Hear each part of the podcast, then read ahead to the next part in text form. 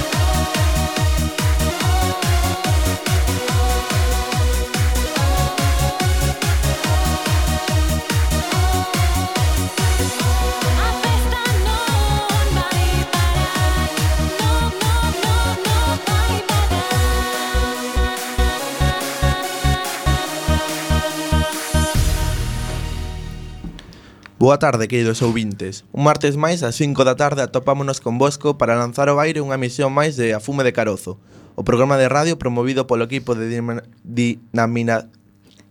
dinamización lingüística galega do Colexio Calasán, da Coruña, e que leva emitíndose dende o 5 de maio de 2009.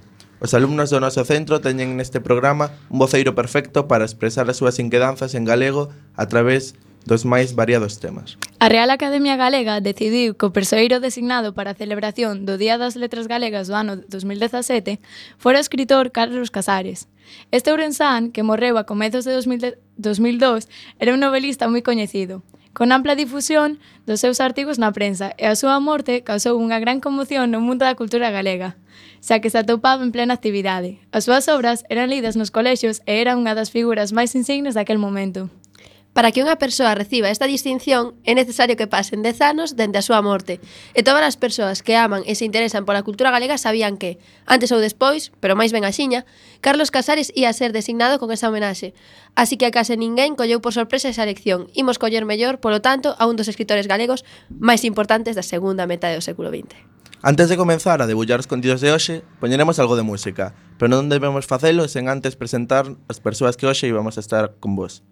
Eu son Nicolás Mojuto Vázquez. Eu chamome María López. Eu son María García. Eu son Nuria Lamas. Eu son Sara Gómez. Eu son Avia García. Eu son Diego Riobo. Carlos Casares era de orixe ourensá, radicada na capital da provincia e na vila de Xinzo da Limia, que el era que el moito reivindicaba nas súas obras. Por esa razón, a música de hoxe vai ser dun magnífico grupo ourensán chamado Camareta Meiga, que só editou un disco titulado Ave las Ailas, no ano 1999, pero ademais tamén escoitaremos algúns audios coa propia voz de Carlos Casares e comprobaredes a harmoniosa que era e a calma e a coubo que transmitían. A primeira canción que imos escoitar hoxe do grupo Camera, Camerata Meiga titúlase Atentasao, que o nome está en portugués, explícase porque nesta canción, en varios temas máis deste disco, colabora con eles a magnífica cantora mozambicana Amelia Muge. A gozala!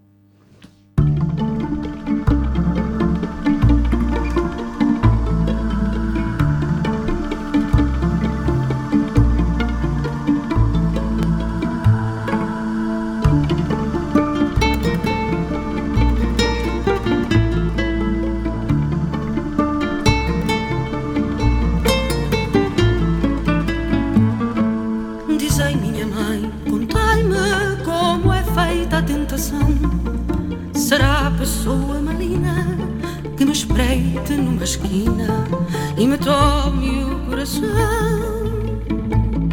Que cuidados, que canseiras, que portas aperreadas, senhora, que lá fora que nos tem aqui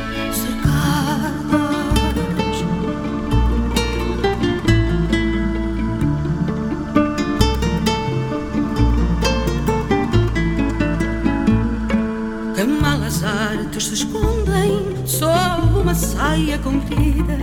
O que há dentro de mim que me faz correr assim, como que um perigo de vida. Que cuidados, que canseiras, que portas aperreadas, Senhora, que lá fora, que nos tem aqui cercadas.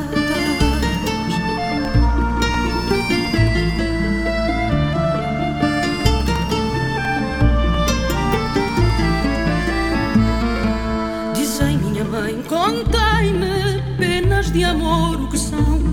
Se são penas de penar, se nos levantam no ar como as garras de um falcão.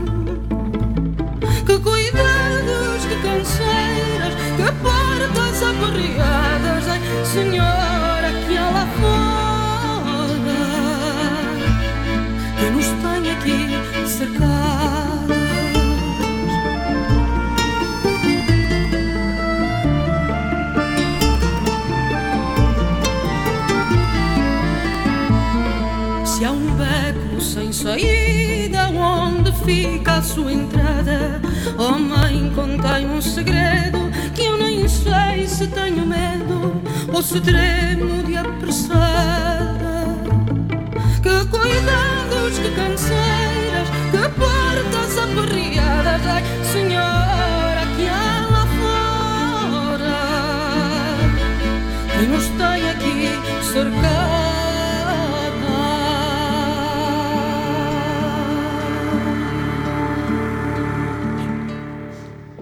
Carlos Casares Mouriño morreu cando tiña 60 anos, así que pensamos que unha boa idea sería contar a súa vida dividida en décadas e ir avanzando pola súa biografía.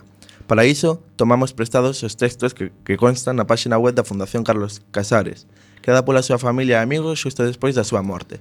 Obviamente, o acaído a comenzar pola súa infancia e xuventude, nos anos 40 e 50. Foi a comarca da Limia, en maior medida que o seu Ourense natal, o territorio que deixou unha pegada máis fonda no Casares Neno. Nacera en Ourense, o 24 de agosto de 1941, pero aos 4 anos marchou para Xincio da Limia, onde o seu pai, Francisco Casares, traballaba de mestre. O futuro escritor vive nun ambiente entre Aldeán e Vilego, en permanente contacto cunha extensa familia espallada por distintos puntos da comarca, con casas en Lamas, Beiro e Sabucedo, ademais de no propio Xinzo, nas que pasará longas tempadas. É un mundo que Casares recordaría sempre con gran viveza e que reaparecerá unha e outra vez na súa obra literaria. Está fortemente ligado á, li á lingua do país, pois, aínda sendo a súa nai castelán falante, na contorna o galego era a lingua absolutamente dominante. Ali aprende os nomes das árbores e dos paxaros, escoita as historias da guerrilla antifranquista. Ali inicia tamén unha relación moi natural e basicamente divertida co cine e coa radio, coa lectura e co fútbol, co xogo e co xoguetes en miniatura que el mesmo construía, Foi unha infancia case tópicamente feliz, enmarcada por unha natureza espléndida, polo calor familiar e polo co contacto continuo co misterio. Non, fanta non faltaron, porén, episodios dramáticos. Cando non tiña máis de tres anos, Carles estivo a piques de, more de morrer afogado no río, nun dos veráns de lamas. Salvouno unha das súas curmás, da mesma maneira que o propio Carlos salvaría uns anos máis tarde o seu irmán Xavier, que tamén se afundía sen remedio nas aguas do Limia, ata que Carlos o rescatou. As sensacións vibrantes daqueles eternos veráns ao aire libre, xunto co recollemento invernal arredor do lume das historias de familiares, amigos e criados, deixarían unha impronta vivísima na literatura de Casares e no propio modo de ser dun home que ata o derradeiro ano da súa vida seguiu experimentando a alegría dun neno pequeno cando o calor se adonaba de Vigo e anunciaba a inmediata chegada do sol do verán. A familia materna de Carlos abundaban as vocacións eclesiásticas, con varios cregos e un arcebispo entre elas. A nai de Carlos, Manolita Mauriño, Era, un, era unha mujer que vivía con moita intensidade o seu catolicismo. Francisco Casares, en cambio, que era un home de ideas liberais e temple máis escéptico, non se sentiu entusiasmado coa decisión materna de enviar a Carlos a estudar o seminario de Ourense, no que ingresou no ano 1952. Foi ali onde o seu destino literario comezou a manifestarse. Carlos publicou no seminario un periódico chamado El Averno, do que, segundo declararía máis tarde, era director e único redactor. Este periódico foi a súa resposta inconformista pola forte represión lingüística que sufría ali. O contacto cun profesor de literatura, don Agustín Madarnás, foi decisivo no fianzamento da súa vocación de escritor. Madarnás mandoulle un día aos seus alumnos de pouco máis de 10 anos escribir unha redacción. A seleccionada para ler na clase en voz alta foi a de Carlos Ken. Ese día foi consciente de que podía ler ben ou mal. A partir dese momento, Casares devorou a moita literatura dispoñible no, semila, no seminario, dende os clásicos grecolatinos ata autores es, españois e estranxeiros que non presentaban perigos mortais. Os escritores perigosos, Balzac ou Voltaire, Flaubert ou Stendhal, liaos eh, nos veráns de Xinzo de, Lim, de Limia, grazas ao suministro de, de Antonio Rodríguez, bibliotecario da vila, republicano comunista, con cuxa amizade sempre se honrou Casares. Polo demais, Carlos conservaba lembranzas agridoces da súa vida no seminario. Agradecía a excelente formación clásica recibida, no secular e amenazada tradición da estudia Humanitatis, pero tamén recordaba algúns episodios amargos nos que se sentiu por vez primeira adentada da violencia e da injustiza. Abandonou o seminario e cursou os estudos de bacharelato por libre. O calle facilitou unha chea de horas de liberdade que investiu no que foron os comezos da súa creación literaria. Xa fora do seminario, Carlos presentouse a un concurso provincial de relatos breves, e por suposto ganouno. Foi Arturo Lezcano quen o levou daquela a coñecer a Vicente Risco, quen formara parte do xurado e que eloxiou vivamente os seus escritos. Foi o principio dunha breve, xa que recordamos que Risco morreu no 1963, pero intensa amizade cultivada día a día na tertulia do Café de Parque, no Miño ou no Voltaire, xunto con outros escritores e artistas como Prego de Oliver, Ferro Couselo, Xeime Quesada, Antón Tobar, Conde Corval, Xaquín Lorenzo, Xesú Luis de Dios, Julio Jimeno, Acis, Acisclo Manzano, Arturo Baltar, José Luis López Cid ou xa citado Lezcano. Antes de proseguir coa vida e obra de Carlos Casares, imos escoitar outra canción máis. Nesta ocasión é a quenda dunha breve pero animada canción de Camarata Meiga, titulada Brincadeira.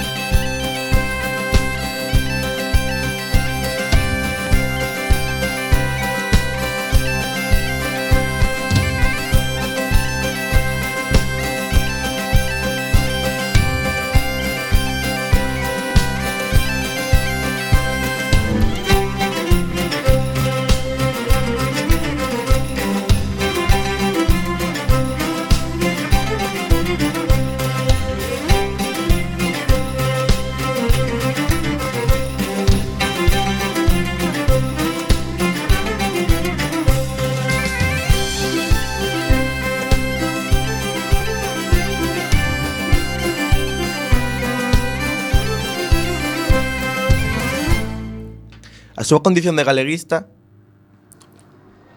permitiulle participar militantemente, por exemplo, dende a Agrupación Democrática de Estudiantes, en actividades culturais que, contest que contestan o oficialismo franquista do seu.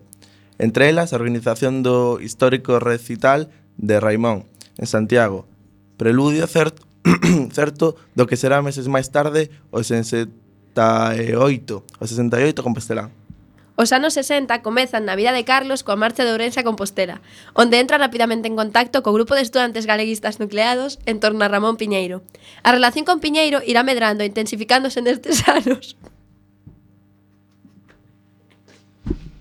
Estes anos ven tamén a aparición de Casares escritor Tras os dubitativos inicios poéticos Que lembrará máis adiante Con simpatía, pero con absoluta distancia literal Casares publica en 1967 Vento Ferido, un libro de relatos juvenis que soportarán rexamente o paso do tempo e que aínda hai pouco tempo mereceron as honras da publicación en lingua inglesa. Sentimos este mm, inciso aquí. Dale, María. Unha ano A tendencia destes anos A experimentación formal e a renovación dos moldes nos que se fora construindo a tradición literaria galega levan a escribir unha novela como Cambio en Tres, que aborda a temática da migración de maneira voluntari voluntariamente afastada do realismo social, dominante na produción novelesca daquel tempo. O Casares xornalista, que tantas alegrías dara logo aos seus lectores, comparece tamén que mane de maneira sistemática nas páxinas de La Región do Brense, nas que inicia a serie con esta lupa, en colaboración co debuxante Siro. A década, non obstante, acaba mal. No seu primeiro traballo, nun colexo de Viana de Bolo, Casares é acusado de comunista por pretender que os nenos pobres da vila puideran acceder gratuitamente aos servizos de comodoro escolar, poñendo en manifesto durante esta batalla unha rede de impresentables corruptelas. O conflicto, con obra de teatro escolar por medio, remata con Casares expedientado, despedido e inhabilitado para impartir a docencia en todo o territorio galego, pero hoxe aquel colexo de, Vian, de Viana do Bolo chamase Instituto Carlos Casares. Casares marcha a Bilbao a ocupar un posto de profesor que lle ofreceran por medio dun amigo. Ao chegar ali, infórmase de que o posto estaba valeiro porque viñan de expulsar por razóns políticas a unha profesora. Todo o claustro estaba enfrontado co director do centro. Ao rematar o curso, non lle renovaron o contrato a ninguén. En 1971, nun tren que se dirixe a Santiago de Compostela, Casares coñece a Cristina Berg, unha rapaza sueca que navega por Galicia a bordo dun barco digno dunha película de piratas. O casamento, que se produce moi pouco despois en Ourense, abrirá a Carlos as portas de Suecia, un país que acabará coñecendo moi ben, incluída a súa lingua, e que converterá nunha especie de modelo ideal para a súa Galicia soñada. Ali naceron os seus fillos Hakan e Cristian.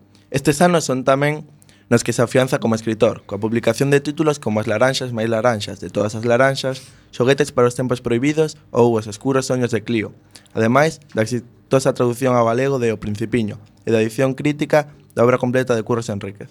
Inicia a súa longa colaboración coa prensa, primeiro destas páxinas de La región de Ourense e a partir de 1975 en La Voz de Galicia, xornal no que publica semanalmente a sección A Ledicia de Ler. Casares é unha referencia importante para a política e a cultura de oposición en Galicia, sempre dende as filas do galeguismo autonomista e a partidario liderado por Ramón Piñeiro e nucleado en torno a Galaxia, editorial a cuxos traballos se vincula cada vez máis estreitamente.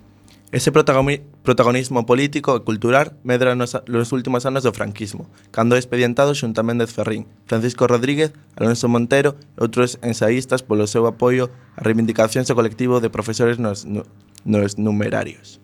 Daquela vive e traballa en Cangas de Morrazo, aínda que non tardará en restablecerse definitivamente en Vilariño da Ramasolla. Ramallosa, perdón, no Concello de Nigrán, onde adquire un terreo e construí unha causa, unha casa. En 1976 recibe o Premio da Crítica Española por Xoguetes para un tempo prohibido. Novela que xa cadara o primeiro premio do certame convocado por Editorial Galaxia para conmemorar o seu 25 aniversario. En 1977 ingresa na Real Academia Galega. Remata a década publicando o seu ensaio biográfico sobre Curros Enríquez e Ilustrísima, que chegará a ser a súa novela máis coñecida e popular. É o momento de facer outra breve pausa publicitaria. De novo, unha animada peza de camareta meiga aderezada coa voz de Amelia Muge. Titúlase Baila ben.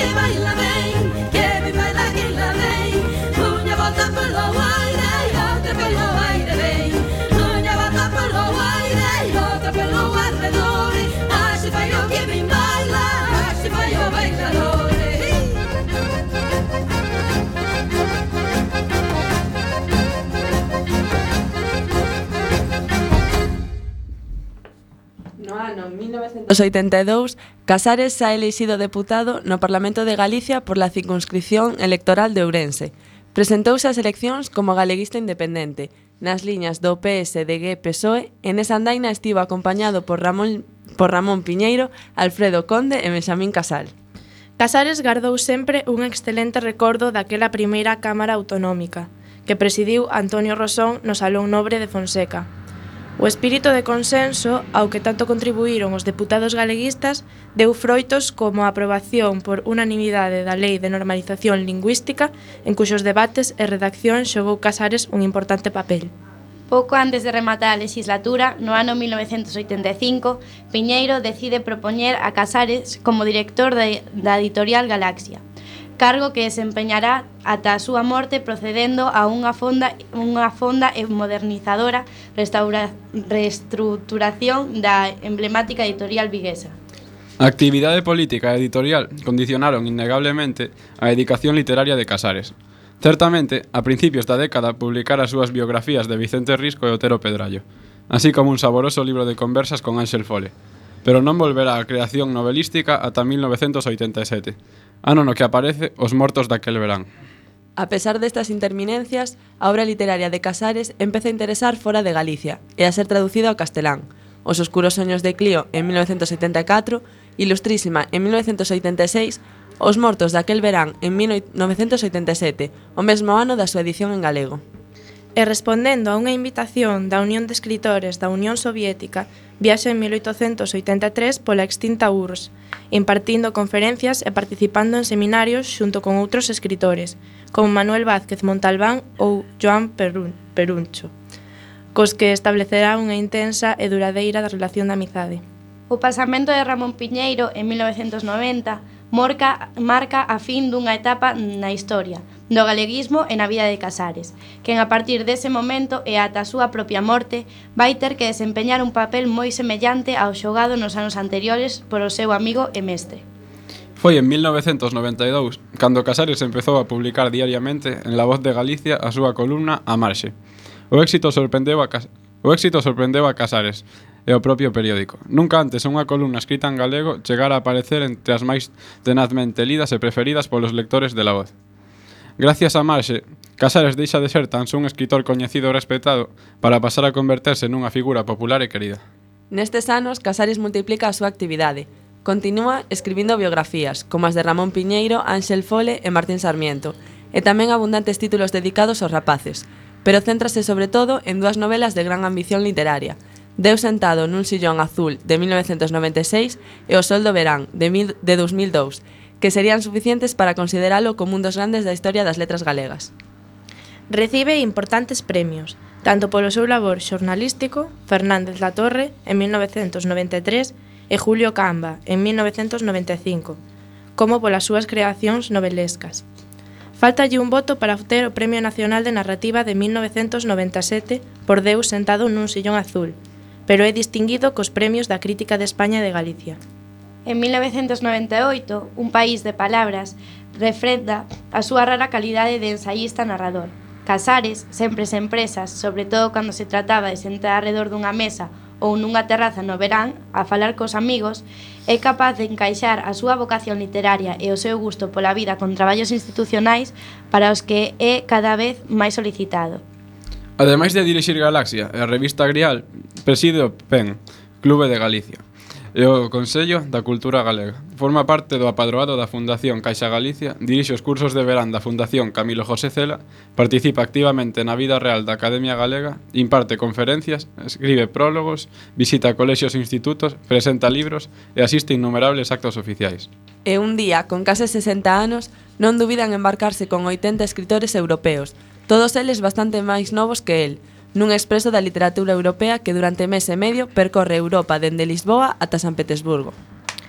A noite entre o 8 e o 9 de marzo do 2002, estando na súa casa da parroquia da Ramallosa, Concello de Nigrán, sufriu unha crise cardíaca. Faleceu no hospital do Mexoeiro, Os que estiveron con el no hospital contan que, minutos antes de morrer, bromeou e mesmo botou algún riso. Era o 9 de marzo de 2002 pola mañanciña, Foi soterrado no camposanto de San Fid de Nigrán, concello no que residía hai máis de 20 anos. Rematamos coa súa intensa biografía e imos comezar a falar máis en detalle da súa obra. Pero o mellor para facer ese xiro argumental é escoitar un pouco máis de música. A seguinte canción que escoitaredes de Camerata Meiga titúlase Camiño da Prata, non cambides de dial.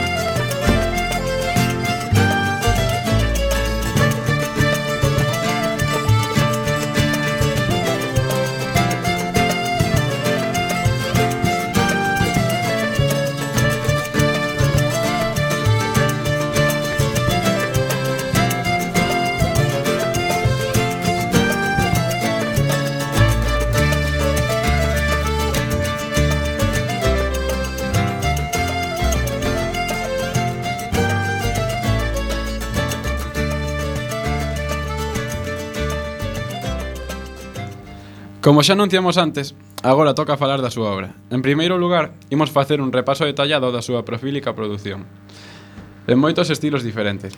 Posteriormente, analizaremos algunha das súas obras máis importantes, e incluso poderemos escoitar a súa voz lendo fragmentos de algunha desas obras célebres. O xénero que máis cultivou, con diferenza, foi a narrativa. Por orden cronolóxica, pero viando as datas de creación, publicou Vento ferido, Cambio en tres, Xoguetes para un tempo prohibido, Os escuros soños de Clio. Ilustrísima. Os mortos daquel verán. O galo de Antioquía. Deus sentado nun sillón azul. Un polvo xigante. E o sol do verán, que entregou a Editorial Galaxia o día antes de morrer. Outro xénero no que publicou moito foi o da literatura infantil, con a galiña azul, as laranxas máis laranxas de todas as laranxas, o can rin e o lobo crispín. Este é Toribio. Toribio contra Profesor Smith Toribio é o contador de contos. Toribio ten unha idea. Toribio revoluciona o tráfico e Lolo anda na bicicleta. Tamén foi moi prolífico no campo dos estudos e ensaios biográficos, por medio de semblanzas e entrevistas, ademais de estudar e analizar a moitas outras figuras galegas. Publicou obras sobre Curros Enríquez, Vicente Risco, Otero Pedrallo, Ángel Fole, Ramón Piñeiro, o padre Sarmiento, Gonzalo Torrente Ballester e incluso sobre o paso de Hemingway por Galicia. Do mesmo xeito que el foi elexido para o Día das Letras Galegas do ano 2017, outros moitos persoeiros o foron antes ca el, pero el elaborou edicións académicas para a Real Academia Galega dos seguintes autores. Francisca Herrera Garrido, 1987, Ramón Otero Pedrallo, 1988, Fermín Bouzabrei, 1992 e Ángel Fole, 1997. Tampouco escapou de edición e crítica literaria. Estudou figuras e a obra de autores como Curros Enríquez, un dos seus autores preferidos, Valle Inclán e Ramón Piñeiro, e tamén publicou antoloxías sobre literatura galega moderna e novela curta. Tamén fixo guías turísticas sobre Santiago de Compostela, Ourense, a provincia de Pontevedra, Galicia e os seus portos. Especialmente nos últimos anos da súa vida, tivo moita importancia o seu rol de anticul anti articulista en prensa. Destacou neste ámbito principalmente no xornal ourensán La Región, 1968 a 1974, e La Voz de Galicia, 1992 a 2002. Incluso o día que morreu saiu publicado neste último xornal o artigo que lles enviara o día anterior. E rematamos falando da traducción.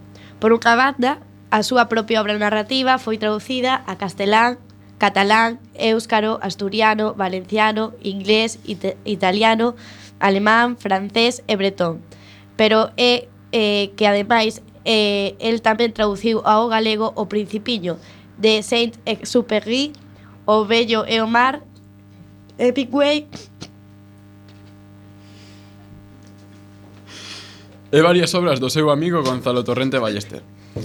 Antes de pasar a analizar en detalle algunhas das súas obras máis importantes, podemos escoitar unha nova canción de Camerata Meiga. Por exemplo, que vos parece esta danza do entroido?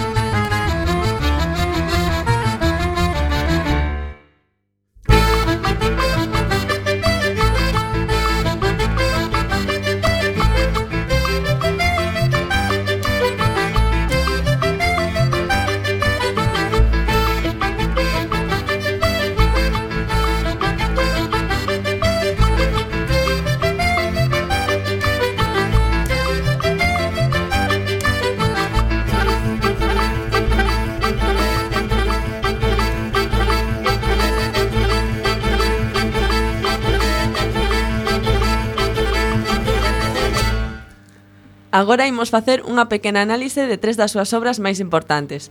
Xoguetes para un tempo proibido, Os escuros soños de Clio e Ilustrísima. E ao final desta sección escoitaremos o autor lendo un fragmento da primeira destas obras. Xoguetes para un tempo proibido foi publicada en 1975, gañadora do Premio Galaxia de novela que a editorial convocara para celebrar o seu 25 aniversario. Elías Paz é un rapaz do rural da provincia de Ourense que pasa pola súa primeira adolescencia nun centro escolar cristián. Alí sofre a, repre a represión da moral católica e decide marchar a Ourense a facer o bacharelato. Na cidade recupera bellas amizades, bota moza e descubre a sexualidade. Despois marcha a Santiago de Compostela para iniciar os seus estudos da universidade. Ao tempo que segue os estudos e traduce obras literarias de outras linguas. Coñece o marxismo ten relacións amorosas e vive a troula, Compostela, coas súas amizades. A novela é un texto rupturista que supuxo unha renovación da narrativa galega, produto dunha nova sensibilidade social e literaria, afastada do costumismo en un galego sinxelo.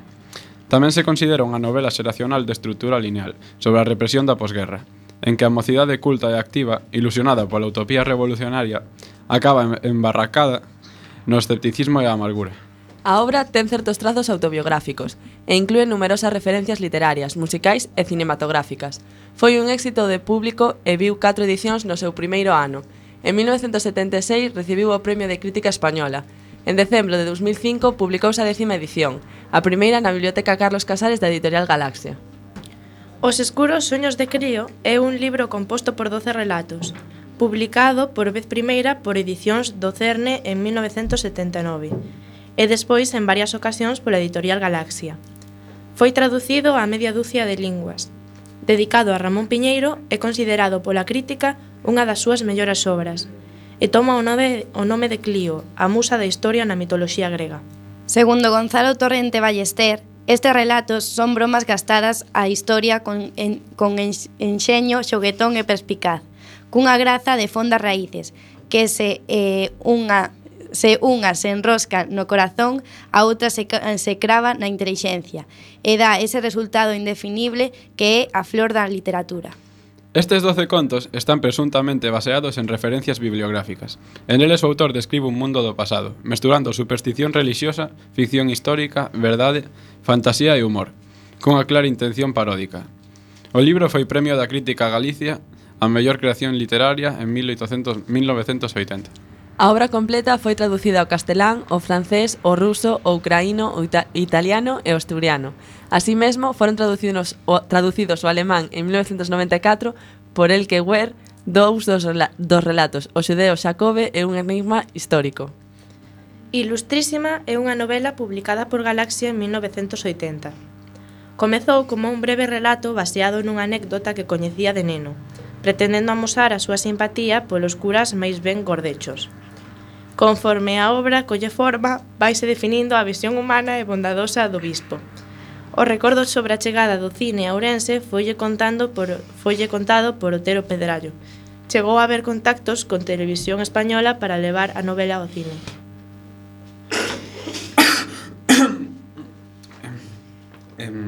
Fernando Fanego é o bispo dunha cidade do interior de Galiza, a comezos do século XX. Partindo da chegada do cinematógrafo a vila, falase do enfrontamento entre a curia episcopal, fanática, intolerante e dogmática, e o propio bispo, bondadoso, comprensivo, tolerante e pacífico. Esta mesma confrontación dase en certa medida na sociedade. A política levada a cabo por canalejas e romanones é tachada por algúns de, de anticlerical representada na novela polos lectores do xornal conservador La Verdad e por outros de progresista e apoiada dende o, dende o xornal El Liberal.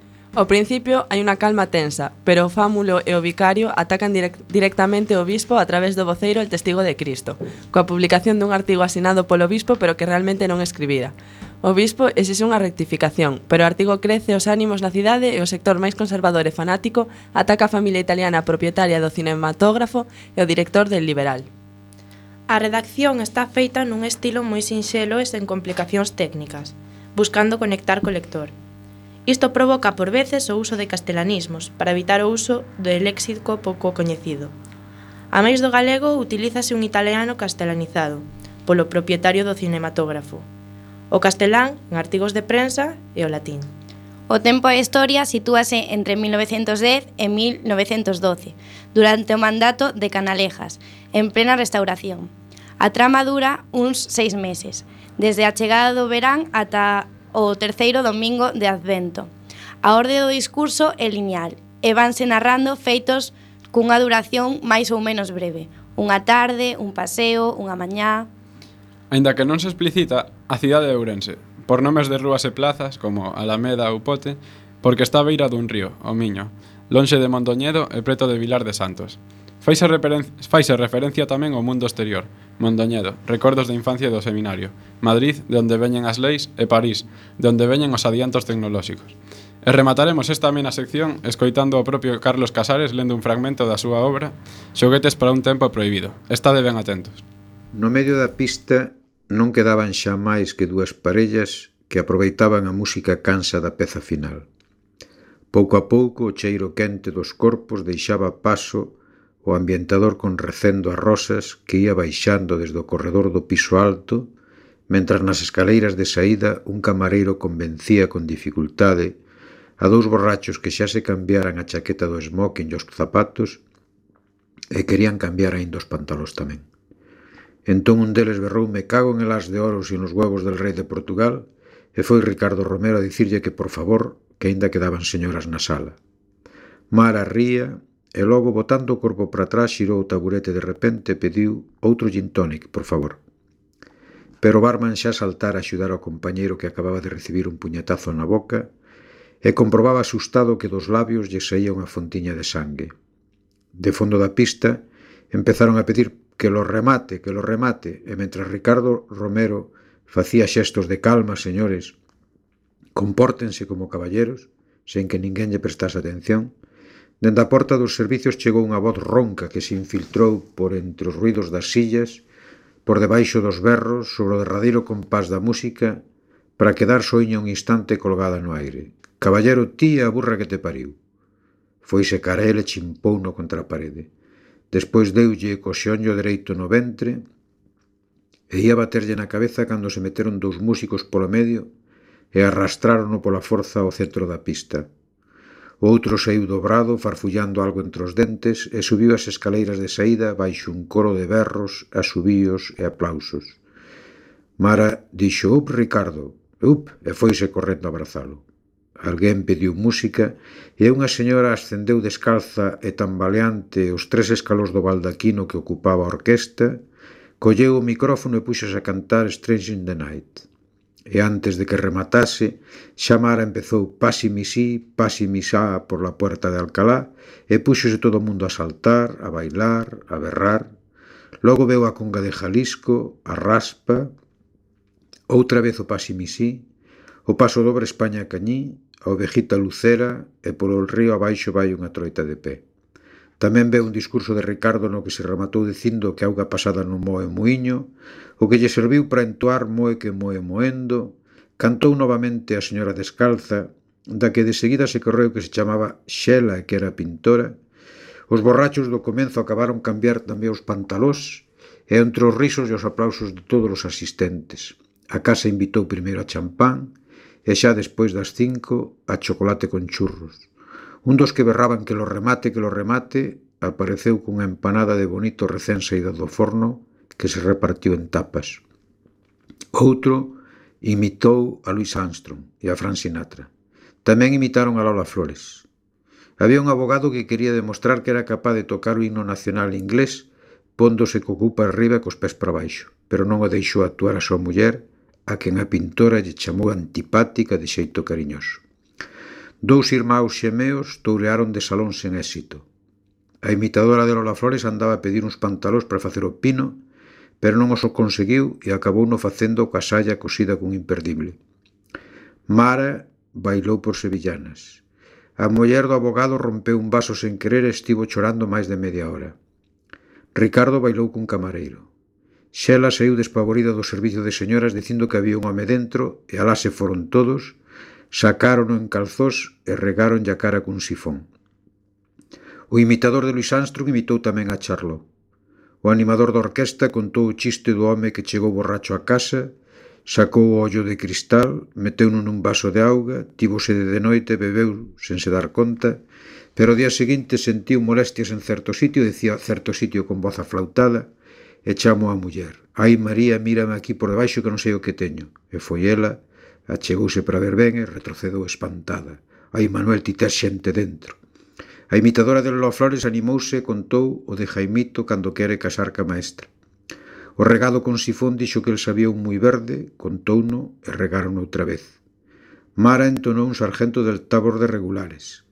Ricardo seguiu na co su santidad el Papa Urbano. O abogado que non o deixara actuar a súa dona puido contar o chiste do negro que tiña plátanos nunha orella. O músico da trompeta dixo que coñecía un señor da súa vila que era tan porco que tiña entre os dedos das mans esas pelotillas negras que todos temos entre os dedos dos pés. Un dos xemeos andou a catro patas coa señora do abogado cargado ao lombo e rinchaba. A continuación imos escoitar a canción Hora Meiga do grupo Com... Comerata Meiga.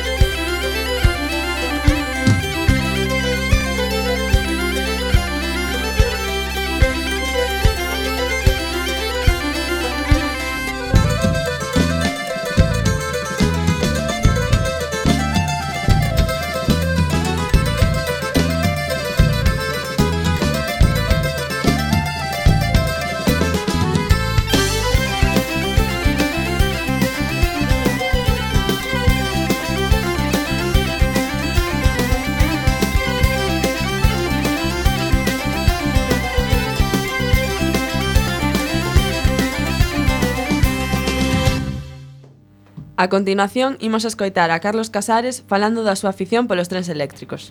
Supoñemos que esa afición aos trens que, que sigue tendo mm, tamén lle virá de antigo, non? Sí, é dicir, esta tía miña, esta tía diabética, tía Isolina, era unha muller moi espléndida, tanto que, por exemplo, a miña irmá regaloulle un piano, un piano no ano 40, 41, que debía ser un luxo tremendo, e a min regaloume o primeiro tren eléctrico que tiven, e deixoumo por reis un ano, E desde entón se encollín afición hasta hoxe, ata hoxe, decir, teño unha casa, fixen no xardín, unha casa solo pros trens, que era o soño, o soño da miña vida. Pois non sei, o que teño unha maqueta moi grande, en forma de L, metida nunha casiña solo para ela, que debe ter, non sei, eh, como claro, os circuitos son interiores e dan moitas voltas, pois poden ser unhas 80 metros de vía aproximadamente. Caramba Eh, por aí circulan, po, poden circular simultaneamente 80 trens sin interferir uns cos outros automáticamente, pero nunca ando con máis de 8 ou 10. E logo teño outros, aparte destes que son a escala H0, que é a estándar esta que se ve en todas partes, teño uns que é a xoia, que son escala Z, que só se fabrica en Alemania, e hai locomotoras que miden 2 centímetros e funciona todo perfectamente, as bielas, as luces, todo. Ese é o que máis quero, pero eso non o teño instalado permanentemente, teño guardado. Eh, eu creo que no tren cumplín soños, soños que, probablemente nin podía imaginar, pois, por exemplo, o viaxe dos escritores no tren que fixen hai dous anos, pero o tren desde neno para min ten un gran encanto, claro, andome no tren de, de locomotora de vapor. Non? Chegou a hora de rematar o programa de hoxe. Lembrade que todos os martes ás 5 da tarde o equipo de, de dinamización da lingua galega do Colexo Calasán, Escolapios da Coruña, da Coruña emite este programa A Fumo de Corozo, realizado por alumnos do noso centro. Hoxe, os presentadores fomos Avia García, Diego Riobo, María López, Nicolás Mejuto, María García, Sara Gómez e Nuria Lamas. ¡A fume de carozo!